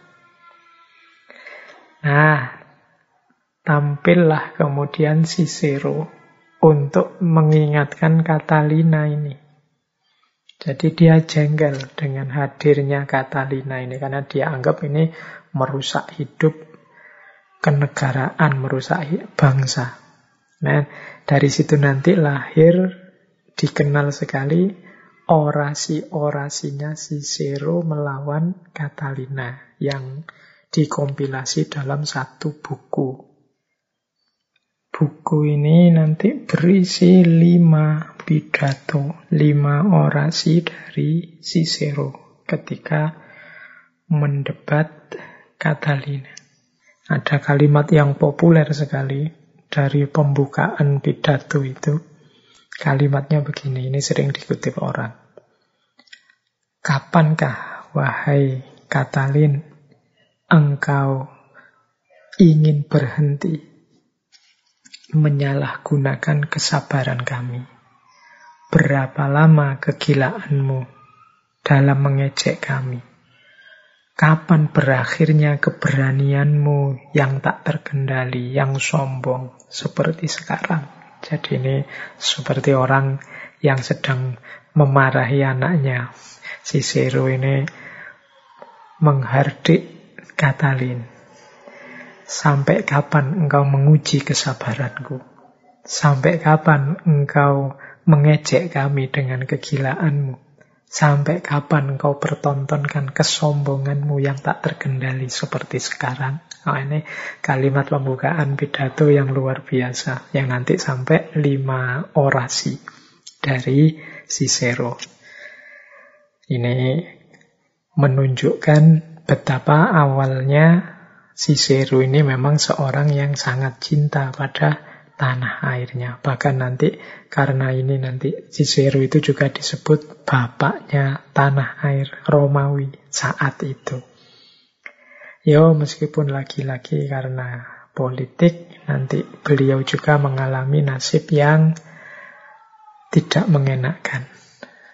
Karena berakhir dengan dieksekusi oleh negara dan pemerintah yang hakikatnya sangat ia cintai. Oke, kita lanjutkan. Nah, selanjutnya adalah gagasan Cicero tentang keadilan. Tadi kan adanya negara tadi di antara pilarnya yang membuat negara tetap tegak adalah keadilan. Kata Cicero, ada beberapa prinsip yang berhubungan dengan keadilan. Keadilan itu, kata Cicero, adalah perekat masyarakat dan hukumlah yang menegakkannya. Jadi ini ada keterkaitan antara masyarakat, keadilan, dan hukum. Keadilan akan tegak kalau hukum tegak. Kalau keadilan sudah tegak, maka masyarakat akan rekat. Teorinya kan begitu berarti. Jadi masyarakat akan kompak bersatu negara utuh. Ini kalau dibalik berarti kalau ke Kalau hukum hancur, berarti keadilan juga hancur. Kalau keadilan hancur, masyarakat pasti juga hancur. Ini tiga serangkai yang tidak bisa dipisah-pisah. Keadilan, masyarakat, dan hukum.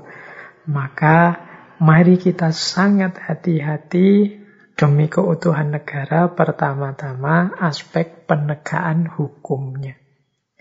Kalau hukum, aturan, undang-undang itu insya Allah ya semua negara sudah punya. Apalagi kita Indonesia ini sudah sangat kaya dengan hukum, aturan, undang-undang. Tinggal penegakannya serius atau tidak. Kalau penegakannya tidak serius, ya keadilan tidak akan tegak. Kalau keadilan tidak tegak, masyarakat tidak rekat. Tidak rekat itu berarti masyarakat juga akan kacau balau, pecah-pecah. Ya kalau masyarakat terus pecah-pecah, gontokan sesama sendiri, sejarah mengajarkan kita ya biasanya tidak lama lagi satu kerajaan, satu dinasti, satu negara bisa jatuh. Jadi berarti apa? Keadilan dan hukum itu kunci Kemudian ada lagi kalimat dari Cicero, kita dilahirkan untuk keadilan. Dan apa yang adil itu didasarkan kepada yang alami, bukan yang opini. Tadi kan kita hidupnya untuk mencari dan menegakkan keadilan. Dari mana kita rumuskan apakah sesuatu itu adil atau tidak? Ya dari natur atau sesuatu yang alami atau dari fakta-fakta kenyataan-kenyataan hidup. Atau pakai istilahnya Cicero itu akal sehat. Dan fakta-fakta. Jadi kalau bahasa agama ya sesuai dengan sunnatullah. Itulah adil. Maka kalau teman-teman nanti belajar tentang hukum itu kan ada standar-standarnya, rumus-rumusnya. Antara lain aspek-aspek natural atau yang alami. Yang jadi parameter keadilan. Yang jelas bukan opini. Opini itu pendapat pribadi, pandangan pribadi, kesan pribadi. Kalau keadilan kok standarnya opini-opini, ya nanti setiap orang menganggap pikiranku lah yang paling adil. Pandanganku lah yang paling adil, opiniku lah yang paling adil. Kalau semua orang dengan standarnya sendiri, ya pasti masyarakat terus kacau. Maka kalau dalam prakteknya ya dasarnya tetap hukum yang sudah disusun demi keadilan. Yang hukum itu antara lain dasarnya adalah kondisi alami, kondisi harmonis, seimbang dalam kehidupan. Jadi ini rumus kedua, pemahaman kedua tentang keadilan. Keadilan itu bukan opini-opini, pandangan-pandangan pribadi. Karena kadang-kadang pandangan pribadi itu ya hidup sejauh dan sesuai kepentingan dan jangkauan berpikirnya. Jadi kata Cicero, ya jangan opini lah, tapi dasarnya kondisi alami, kondisi natural, sunnatullah dalam hidup ini. Itulah sumbernya keadilan. Bahkan selanjutnya, Cicero berkata begini, pengetahuan yang dipisahkan dari keadilan dapat disebut sebagai kelician dan bukan kebijaksanaan. Ini hubungannya dengan pengetahuan, kebenaran yang kita peroleh. Itu kalau dalam prosesnya sudah tidak adil, maka tidak bisa dia disebut kebijaksanaan, tetapi kelician. Pengetahuan yang tidak adil itu misalnya pengetahuan yang hanya melihat separuh data, separuh fakta, yang separuh tidak dilihat. Hanya mencari yang menyenangkan, mengenakkan dia. Yang lain tidak dilihat. Hanya demi apa yang dia inginkan.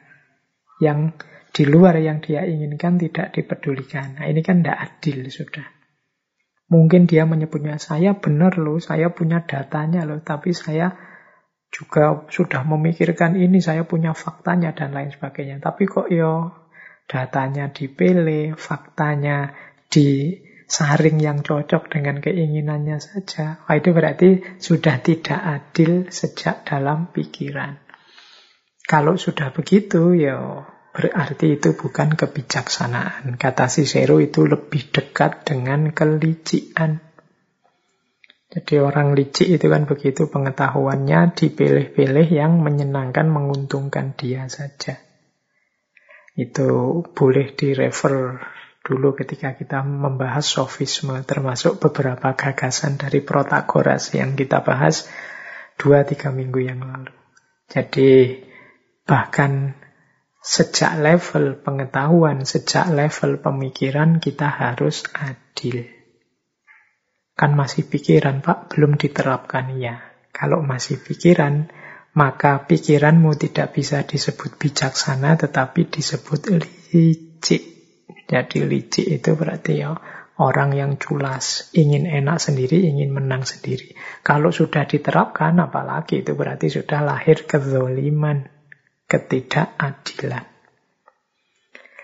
Jadi ini jadi fokusnya semua orang karena puncaknya nilai dalam hidup itu keadilan. Lawannya keadilan, ketidakadilan. Tapi ada yang lebih buruk dari ketidakadilan. Kata Cicero, apa? Ketidakadilan paling buruk adalah mencari keuntungan dari ketidakadilan. Tidak adil itu sudah sangat jahat. Tapi ada yang lebih jahat dari itu, yaitu mencari keuntungan dari ketidakadilan. Dalam hidup ini kadang-kadang kan ada sistem-sistem, struktur-struktur yang tidak adil. Menyulitkan kita. Dalam situasi seperti itu kok ada orang yang mencari keuntungan dari situasi tidak adil, dialah orang yang paling buruk. Misalnya hari ini, kemarin ya, ada banyak orang mencari oksigen, kehabisan oksigen karena mungkin struktur distribusinya yang tidak adil atau ada mekanisme apa yang tidak beres dan lain sebagainya menghadapi situasi semacam ini.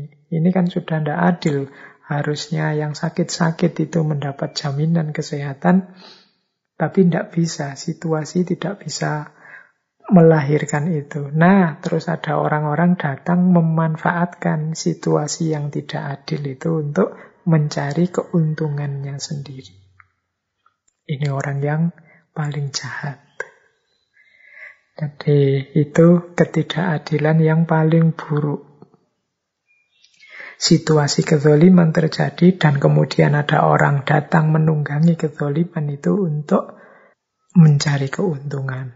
Ini mungkin bisa kita renungkan untuk kita tidak masuk ke sana atau kita waspada jangan sampai terjebak oleh orang-orang yang mencari keuntungan dari situasi tidak adil. Baik, kita lanjutkan. Sekarang tentang kesalahan manusia. Jadi ada beberapa yang dicatat oleh Cicero tentang kesalahan-kesalahan yang selalu dilakukan oleh manusia dari abad ke abad. Yang pertama apa? Kata Cicero, sepanjang sejarahnya manusia itu banyak orang yang pertama takut terhadap segala yang tidak dapat diubah atau diluruskan. Kedua, meyakini sesuatu sebagai tidak mungkin karena kita tidak mampu meraihnya. Yang ketiga, menolak menyingkirkan hal-hal sepele. Yang keempat, mengabaikan peningkatan dan perbaikan berpikir, perbaikan pikiran. Yang kelima, berusaha memaksa yang lain percaya dan hidup seperti dirinya. Ini lima kesalahan ini mirip dengan kesia-siaan yang disampaikan oleh Cicero kemarin. Eh, oleh Seneca minggu lalu. Jadi, kita ini banyak melakukan kesia-siaan. Lima hal ini adalah sesuatu yang sering kita sikapi secara salah. Yang pertama misalnya, takut menghadapi segala yang tidak dapat diubah atau diluruskan. Loh kalau memang tidak bisa diubah, berarti memang kenyataannya sudah begitu. Takdirnya kalau bahasa agama sudah seperti itu. Kalau kita takuti, yo, hidup kita akan penuh dengan ketakutan-ketakutan. Ketakutan yang tiada berakhir. Karena kita takut pada sesuatu yang tidak dapat diubah. Saya takut pak, kalau malam itu gelap. Ya malam memang gelap. Seperti apa pun situasinya malam pasti gelap. Kita takut pada satu yang tidak bisa diubah. Pak, saya takut Pak orang-orang itu kok pikirannya beda-beda ya Pak. Lah iya secara fitrah manusia itu ya pikirannya beda-beda. Saya takut Pak manusia itu ternyata nantinya mati semua. Iya. Memang kodratnya setiap orang itu mati. Dan lain sebagainya. Ini ketakutan-ketakutan tidak rasional terhadap hal-hal yang memang faktanya begitu dan tidak bisa diubah atau diluruskan. Ini akan sangat menyulitkan hidup kita. Jadi yang pertama itu.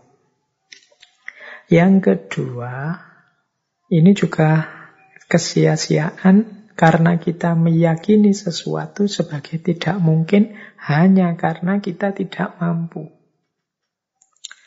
Tidak mungkin Pak, Indonesia nomor satu di dunia sepak bolanya misalnya. Nah, itu kan kita merasa tidak mungkin. Padahal hanya karena mungkin kita kurang serius atau hanya yang selama ini main mungkin kemampuannya belum nyampe dan lain sebagainya. Jadi itu bukan sesuatu yang mustahil kalau kita menempuh jalan tertentu, kalau kita mencari solusi tertentu. Tapi kita sudah terlanjur apatis meyakini sesuatu sebagai tidak mungkin. Padahal mungkin itu mungkin saja. Hanya saja kita kurang serius. Ah, tidak mungkin Pak, pandemi ini selesai dalam waktu setahun ke depan. Paling 3-4 tahun. Itu kita bilang tidak mungkin karena kita sendiri merasa tidak mampu meraihnya. Lu siapa tahu? Kan gitu tiba-tiba muncul kesadaran kita semua untuk segera selesai problem ini dan Allah juga menurunkan hidayah, menurunkan bimbingannya sehingga nanti cepat problem kita ini selesai, selesai. Jadi jangan meyakini sesuatu sebagai tidak mungkin hanya karena kita sendiri sekarang tidak mampu. Mungkin orang lain ada yang bisa. Mungkin kalau ganti pikiran, ada yang ketemu solusinya. Mungkin kalau boleh. Jadi ada banyak alternatif. Jadi jangan meyakini sesuatu sebagai tidak mungkin hanya karena kita tidak mampu. Yang ketiga, ini mungkin sering juga kita lakukan, yaitu menolak, menyingkirkan hal-hal yang sepele. Kita ini hidup sibuk sekali dengan banyak hal yang tidak penting. Banyak hal-hal yang sepele. Bahkan kita sering ribut, sering gegeran untuk perkara-perkara yang kecil dan sepele. Bahkan sampai urusan polisi, bahkan sampai jadi viral se-Indonesia. Menghabiskan energi banyak. Padahal mungkin peristiwa dan problemnya sangat sepele. Sehingga Siapa tahu nanti ketika ada problem-problem besar yang kita butuh energi banyak, energi kita sudah terlanjur habis hanya untuk hal-hal sepele. Terlalu banyak main game, akhirnya waktu ujian malah kita kehabisan energi. Terlalu banyak main HP, main TikTok, waktu hidup yang serius membutuhkan energi biaya, kita kehabisan. Nah, nasihatnya Cicero, ini kesalahan sangat sering dilakukan oleh manusia. Menolak, menyingkirkan hal-hal sepele. Ini teman-teman boleh merengking atau milih aktivitas atau kepemilikan apa dalam hidup ini coba di Mana yang penting, mana nomor satu, mana nomor dua, mana nomor tiga. Nah, nanti kalau ada ranking-ranking bawah yang tidak terlalu penting, yang sepele, kalau memang saatnya disingkirkan, singkirkanlah. Tidak masalah. Tidak harus kita pertahankan mati-matian semuanya sehingga menghabiskan energi. Tapi kita cerdas dalam mana yang harus kita jalankan serius, mana yang nanti-nanti saja kalau ada waktu, mana yang kita iseng saja dan lain sebagainya. Jadi biar kita tidak ditelan oleh zaman karena kita lupa untuk mengurus yang serius dan sibuk dengan hal-hal yang sepele. Kemudian yang keempat, kata Cicero, di antara banyak kesalahan manusia yang lain adalah mengabaikan peningkatan dan perbaikan diri. Jadi banyak orang yang merasa aku sudah benar, aku sudah mampu, aku sudah bisa. Pengetahuan-pengetahuanku sudah final. Tidak mungkin ada yang lebih baik, tidak mungkin ada yang lebih benar, tidak mungkin ada yang lebih unggul dari yang aku bisa dan aku ketahui ini. Nah, ini nomor empat. Orang mengabaikan peningkatan diri dan perbaikan diri karena dia merasa sudah selesai. Akhirnya mandek. Tidak maju-maju. Orang yang sudah merasa benar itu kan selesai mandek. Dia lupa bahwa manusia itu secara fitrah tidak ada yang sempurna. Manusia itu senantiasa ada kurang-kurangnya. Tidak ada orang yang wawasan dan pengalamannya luas tak terbatas. Pengetahuan-pengetahuan kita tentang benar salah itu hanya sejauh pengalaman hidup kita saja. Di luar itu, yo, kita tidak tahu apa-apa. Maka orang yang mandek merasa diri sudah selesai, sudah baik, yaitu dia tidak akan berkembang tidak akan melakukan perbaikan diri. Dan ini kalau dalam agama disebut orang yang rugi. Orang mandek itu kan orang rugi. Nanti ada orang yang terlaknat. Orang terlaknat itu malah orang tambah lama tambah jelek. Tidak lebih baik dari hari ini, tapi bahkan lebih jelek dari hari ini. Justru tuntunan agama itu khoy, yaumuhu khairun min amsihi. Hari ini lebih baik dari kemarin. Itu berarti kita berusaha terus meningkat. Kesalahan selama ini, kata Cicero, banyak manusia yang mengabaikan peningkatan diri. Dan yang kelima, banyak orang yang menghabiskan waktu dengan memaksa orang lain percaya dan meniru dirinya. Ini biasanya lanjutannya yang keempat. Kalau orang sudah merasa benar, merasa baik, itu kemudian dia memaksakan kebenarannya, kebaikan versinya untuk juga diikuti, disetujui, dijalankan oleh orang lain. Ini kalau ketemu orang yang tipenya sama, kemudian terjadi konflik. Jadi, dan dalam sejarah sering sekali terjadi tragedi-tragedi kemanusiaan karena orang saling memaksakan kebenarannya, saling ingin agar kepercayaan dan gaya hidupnya orang lain itu mengikuti dirinya. Ini PR-PR kemanusiaan yang kalau menurut Cicero itu sering sekali dijawab keliru oleh manusia. Jadi kesalahan-kesalahan manusia dari abad ke abad. Jadi manusia yang takut menghadapi segala yang tidak dapat diubah manusia yang meyakini bahwa ada sesuatu yang tidak mungkin dilakukan hanya karena dia tidak mampu melakukannya. Manusia yang menolak menyingkirkan hal-hal yang sepele. Manusia yang mengabaikan peningkatan dan perbaikan diri. Dan manusia yang memaksa orang lain percaya dan hidup seperti dirinya. Nah, ini pengingat buat kita. Semoga kita tidak punya karakter-karakter seperti yang diperingatkan oleh Cicero tadi. Baik, sekarang kita lihat tema yang agak berbeda ya, yang banyak dibahas juga oleh Cicero, yaitu persahabatan. Cicero ini dalam sejarah hidup beliau itu punya dua orang sahabat setia yang sangat dicintai. Yang pertama namanya Servius Rufus dan yang kedua Atticus. Ini teman-temannya dalam ranah hukum. Dan dua orang ini pendukung setia Cicero. Dialah yang mensupport menasehati, memberi semangat Cicero sehingga Cicero melahirkan banyak karya. Itulah mengapa Cicero punya banyak pandangan yang positif tentang persahabatan. Kita lihat sebentar ya bagaimana wawasan-wawasan Cicero tentang persahabatan. Yang pertama, kata Cicero, seorang sahabat adalah diri yang kedua. Jadi sahabat itu seperti fotokopinya diri kita.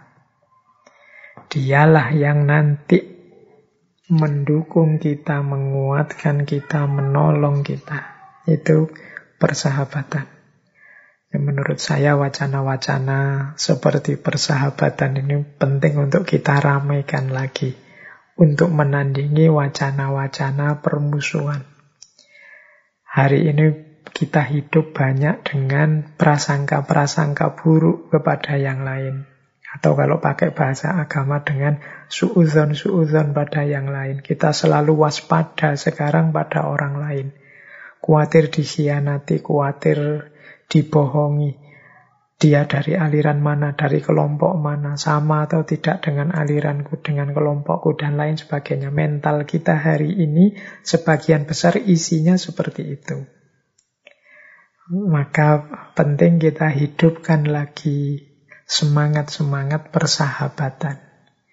Ini biasanya yang masih muda, ya termasuk teman-teman ngaji filsafat yang muda-muda itu masih merasakan maknisnya persahabatan. Semoga langgeng. Karena biasanya kalau sudah tua, sudah punya keluarga sendiri-sendiri, itu sudah mulai bergumul dengan kehidupan nyata, anak, istri, dan macam-macam sehingga aspek persahabatan ini sering dilalaikan. Padahal ini penting. Kata Cicero, persahabatan itu mengapa disebut sahabat itu diri yang kedua? Karena menurut Cicero, persahabatan itu meningkatkan kebahagiaan, meredakan kepedihan, menggandakan kegembiraan, dan memecah penderitaan. Jadi kalau kita punya sahabat dalam situasi bahagia, kebahagiaan kita akan meningkat ketika ada sahabat. Kebahagiaanku adalah kebahagiaanmu. Kan begitu kalau kita saling bersahabat. Melihat sahabat kita sukses, kita bahagia. Kita yang sukses, sahabat kita yang bahagia. Maka persahabatan itu meningkatkan kebahagiaan meredakan kepedihan. Kehadiran seorang sahabat itu membuat kesedihan kita berkurang karena dia juga turut menanggung, turut ikut merasakan kesedihan kita, kepedihan kita, menggandakan kegembiraan dalam situasi gembira. Dia juga gembira, maka kegembiraannya double, memecah penderitaan. Kalau sedang sedih, kita ya berbaginya kan dengan dia. Jadi Persahabatan itu membuat kita yang satu menjadi dua, menjadi tiga, menjadi banyak kalau sahabat kita banyak. Tidak hanya menggandakan jadi dua, tapi menggandakan jadi banyak sahabat kita. Kalau itu kegembiraan. Tidak hanya dibagi berdua, tapi bisa juga dibagi banyak kalau itu sahabat kita banyak. Jadi ini pandangannya Cicero akan pentingnya persahabatan. Makanya tadi saya bilang, yuk hari-hari ini kita perbanyak sahabat. Sahabat yang sejati bukan sahabat dengan motif-motif tertentu, sahabat dengan pamrih-pamrih, atau sahabat dengan target-target di luar kebersamaan dan kebahagiaan bersama. Kata Cicero selanjutnya, musuh dapat membunuhmu, tapi hanya sahabat yang mampu menyakitimu. Ini mengingatkan juga, meskipun sahabat itu sangat membahagiakan, dia adalah diri kita yang kedua, tapi sebagaimana ada pepatah, yang paling kita cintai, yang paling dekat dengan kita, justru itulah yang paling mampu menyakiti kita. Ini dulu kita bahas di ketika ngaji yin dan yang. Maka kalimatnya Cicero ini berarti, ya kalau musuh bisa membunuh kita, tapi yang bisa menyakiti kita itu sahabat. Kalau musuh memaki kita, kalau musuh ingin membuat kita jatuh, membuat kita sakit, itu kan kita tidak kaget. Wong memang musuh kita. Kita tidak heran. Kita bisa pasang kuda-kuda untuk tidak tersakiti. Tapi tidak begitu dengan sahabat. Jadi yang mampu menyakiti kita dengan sangat sakit itu justru yang paling dekat dengan kita, yang paling kita cintai. Musuh mungkin dapat membunuh kita, tapi kita tidak kaget bahkan bisa menahan rasa sakitnya. Tapi hanya sahabat yang mampu menyakiti kita dengan sakit yang luar biasa. Karena kita memang sebelumnya sudah sangat dekat, sangat sayang padanya. Oleh karena itu, kata Cicero ini di kalimat selanjutnya, sejak awal Aku ingatkan prinsip ini, persahabatan hanya dapat eksis di antara orang-orang baik. Itu yang dikatakan Cicero. Jadi, ya kalau kita tidak ingin sakit karena dikhianati sahabat, karena disakiti orang-orang yang kita sayangi, ya kita harus jadi orang baik dan mencari sahabat juga orang-orang baik. Ini prinsipnya sederhana, tapi yo prakteknya tidak mudah. Karena bersahabat itu kan banyak berhubungan dengan kecenderungan-kecenderungan hati. Mungkin ada orang baik tapi tidak klik sama kita, tidak bisa akrab, tidak bisa nyambung. Yang nyambung kok yang itu-itu misalnya. Ya termasuk tugas kita pada sahabat-sahabat kita kan juga bareng-bareng untuk jadi orang yang lebih baik. Yang penting orangnya mau jadi orang yang lebih baik. Karena yang kalau mencari orang baik itu kan relatif. Tapi orang yang siap untuk jadi lebih baik itu menurut saya lebih nyaman untuk kita jadikan sahabat. Bersahabat dengan orang yang merasa dirinya sudah pasti baik kan juga tidak nyaman. Orang yang merasa dirinya sudah pasti jago, sudah pasti berkualitas, oh itu juga mungkin tidak nyaman karena kita pasti dianggap inferior, lebih rendah daripada dia. Jadi yuk kata Cicero, aku peringatkan persahabatan hanya dapat eksis di antara orang-orang baik. Kemudian beliau juga wanti-wanti Orang yang memfitnah sahabatnya, yang tidak membela sahabatnya saat dicela, yang menjadikan sahabatnya bahan tertawaan untuk menunjukkan keunggulannya, yang tidak dapat menyimpan rahasia sahabatnya. Tandai dan hindari dia. Jadi kalau kita punya sahabat kok orang ini senengannya memfitnah. Atau suka ngomong jelek di belakang kita. Tidak membela kita kalau ada orang menjatuhkan kita, menjelek-jelekan kita. Atau menjadikan kita hanya bahan tertawaan untuk menunjukkan bahwa dia lebih unggul dari kita. Jadi dia selalu menampakkan betapa jeleknya kita, betapa kurangnya kita, betapa lebih rendah kita di hadapan dia. Dan yang terakhir, orang yang tidak dapat menyimpan rahasia. Kata Cicero, orang dengan ciri-ciri ini, tandailah dan hindari. Berarti, jangan dijadikan sahabat. Yowis, ya kenal biasa saja, tidak apa-apa. Karena orang ini nanti yang berpotensi menyakiti kita. Ini jadi ada beberapa rumus tentang sahabat yang diberikan oleh Cicero. Jadi yang pertama tadi ya, cari orang-orang baik saja atau orang yang mau siap untuk jadi lebih baik bersama kita.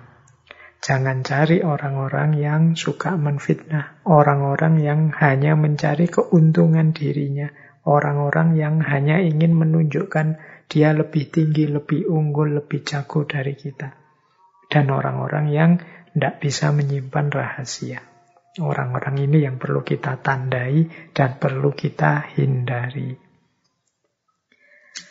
Oke, kita lanjutkan. Wah, waktunya sudah mepet ini. Baik, kita masuk ke tema yang lain biar ada nuansa berbeda. Ini mirip seperti Seneca minggu lalu.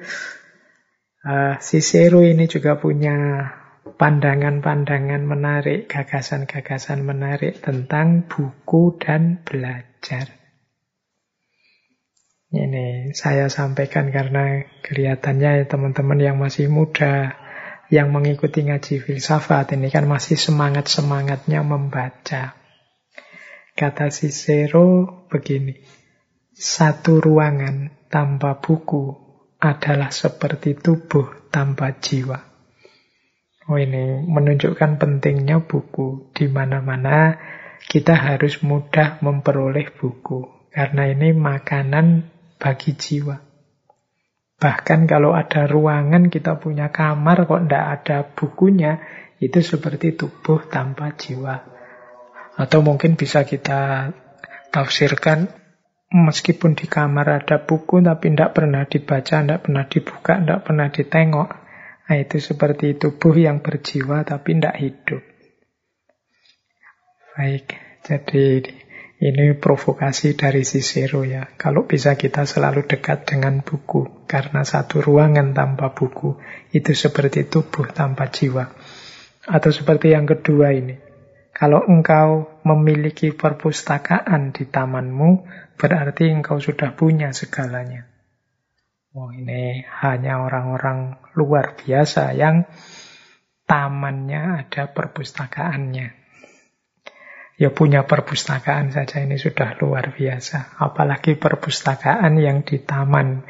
Ini kalau dalam pikirannya si Cicero mesti kayak orang yang sudah hidup di surga. Di tamannya ada perpustakaannya. Ya ini mungkin semangat juga bagi kita untuk terus mengakrabi buku. Karena kunci kualitas kita ada pada ilmu. Sumbernya ilmu yang paling otoritatif itu ya buku. Tidak mungkin kita jadi orang berilmu kalau kita males membaca. Maka Cicero selanjutnya berkata, bacalah setiap kali waktu senggang. Bacalah di setiap waktu. Bacalah saat gembira. Bacalah saat bekerja. Bacalah saat seseorang masuk. Bacalah saat seseorang keluar. Tugas pikiran yang terdidik itu hanya satu, yaitu membaca. Wah, kalau ini persis seperti perintahnya agama ya, kita disuruh ikro, bacalah. Baca apa saja. Setiap peristiwa adalah ilmu, pengetahuan. Setiap fenomena adalah wawasan. Setiap orang adalah guru, setiap tempat adalah sekolah atau tempat belajar.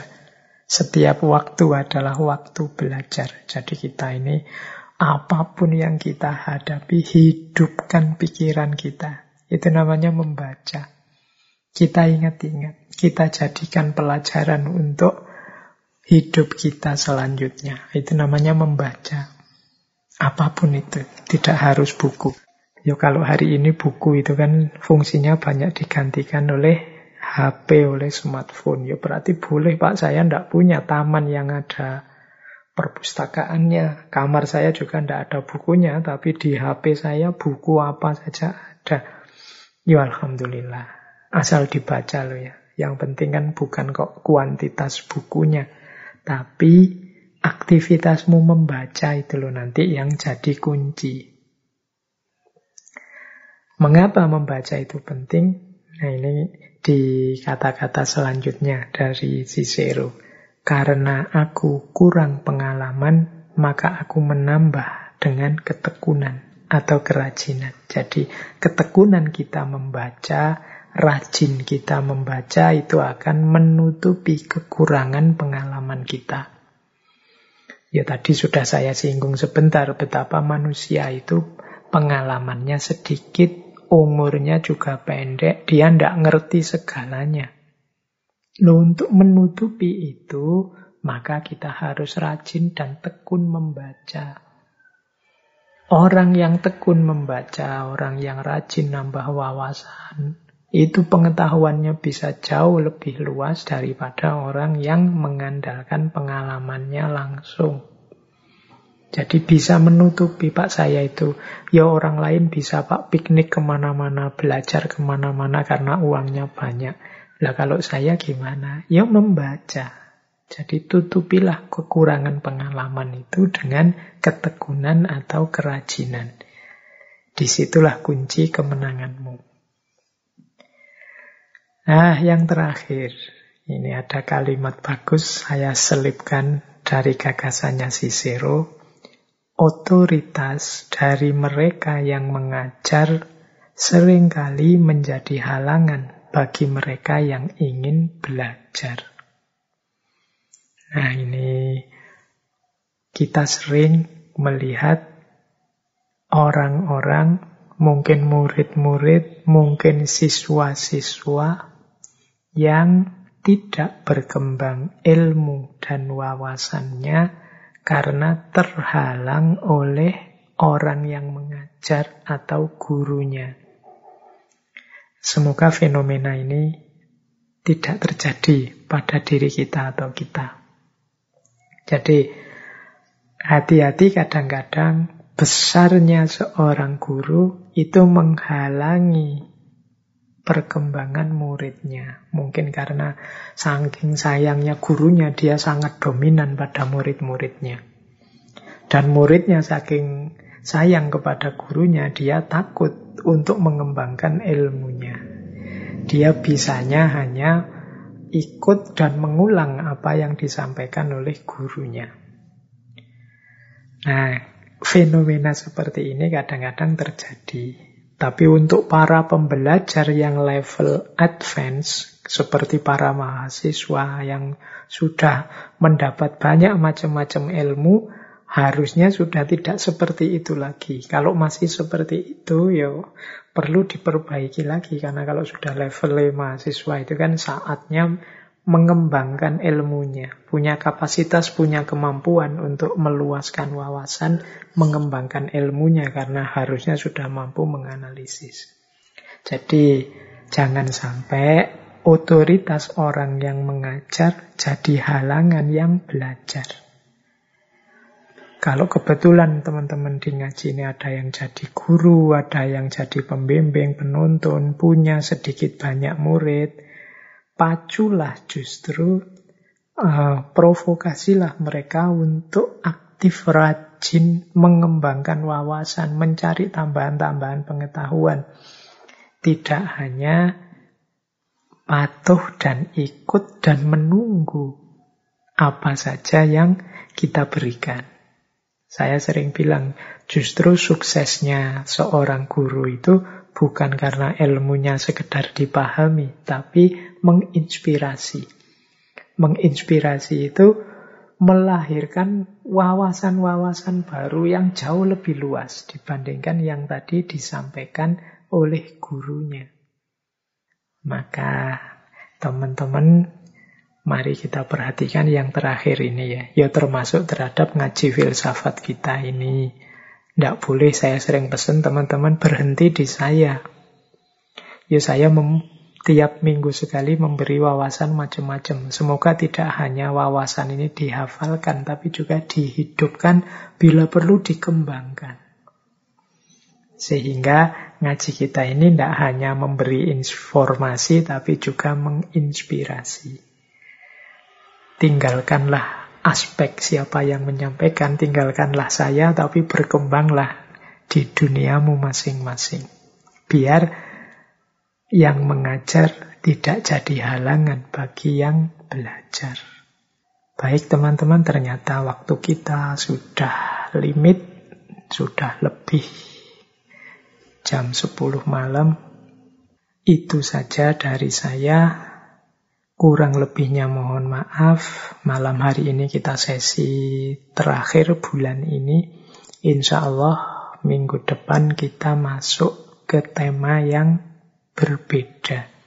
Semoga materi demi materi, tema demi tema yang kita ulas, kita bahas di ngaji-ngaji kita ini sedikit-sedikit bisa nambah wawasan, meningkatkan kualitas hidup kita.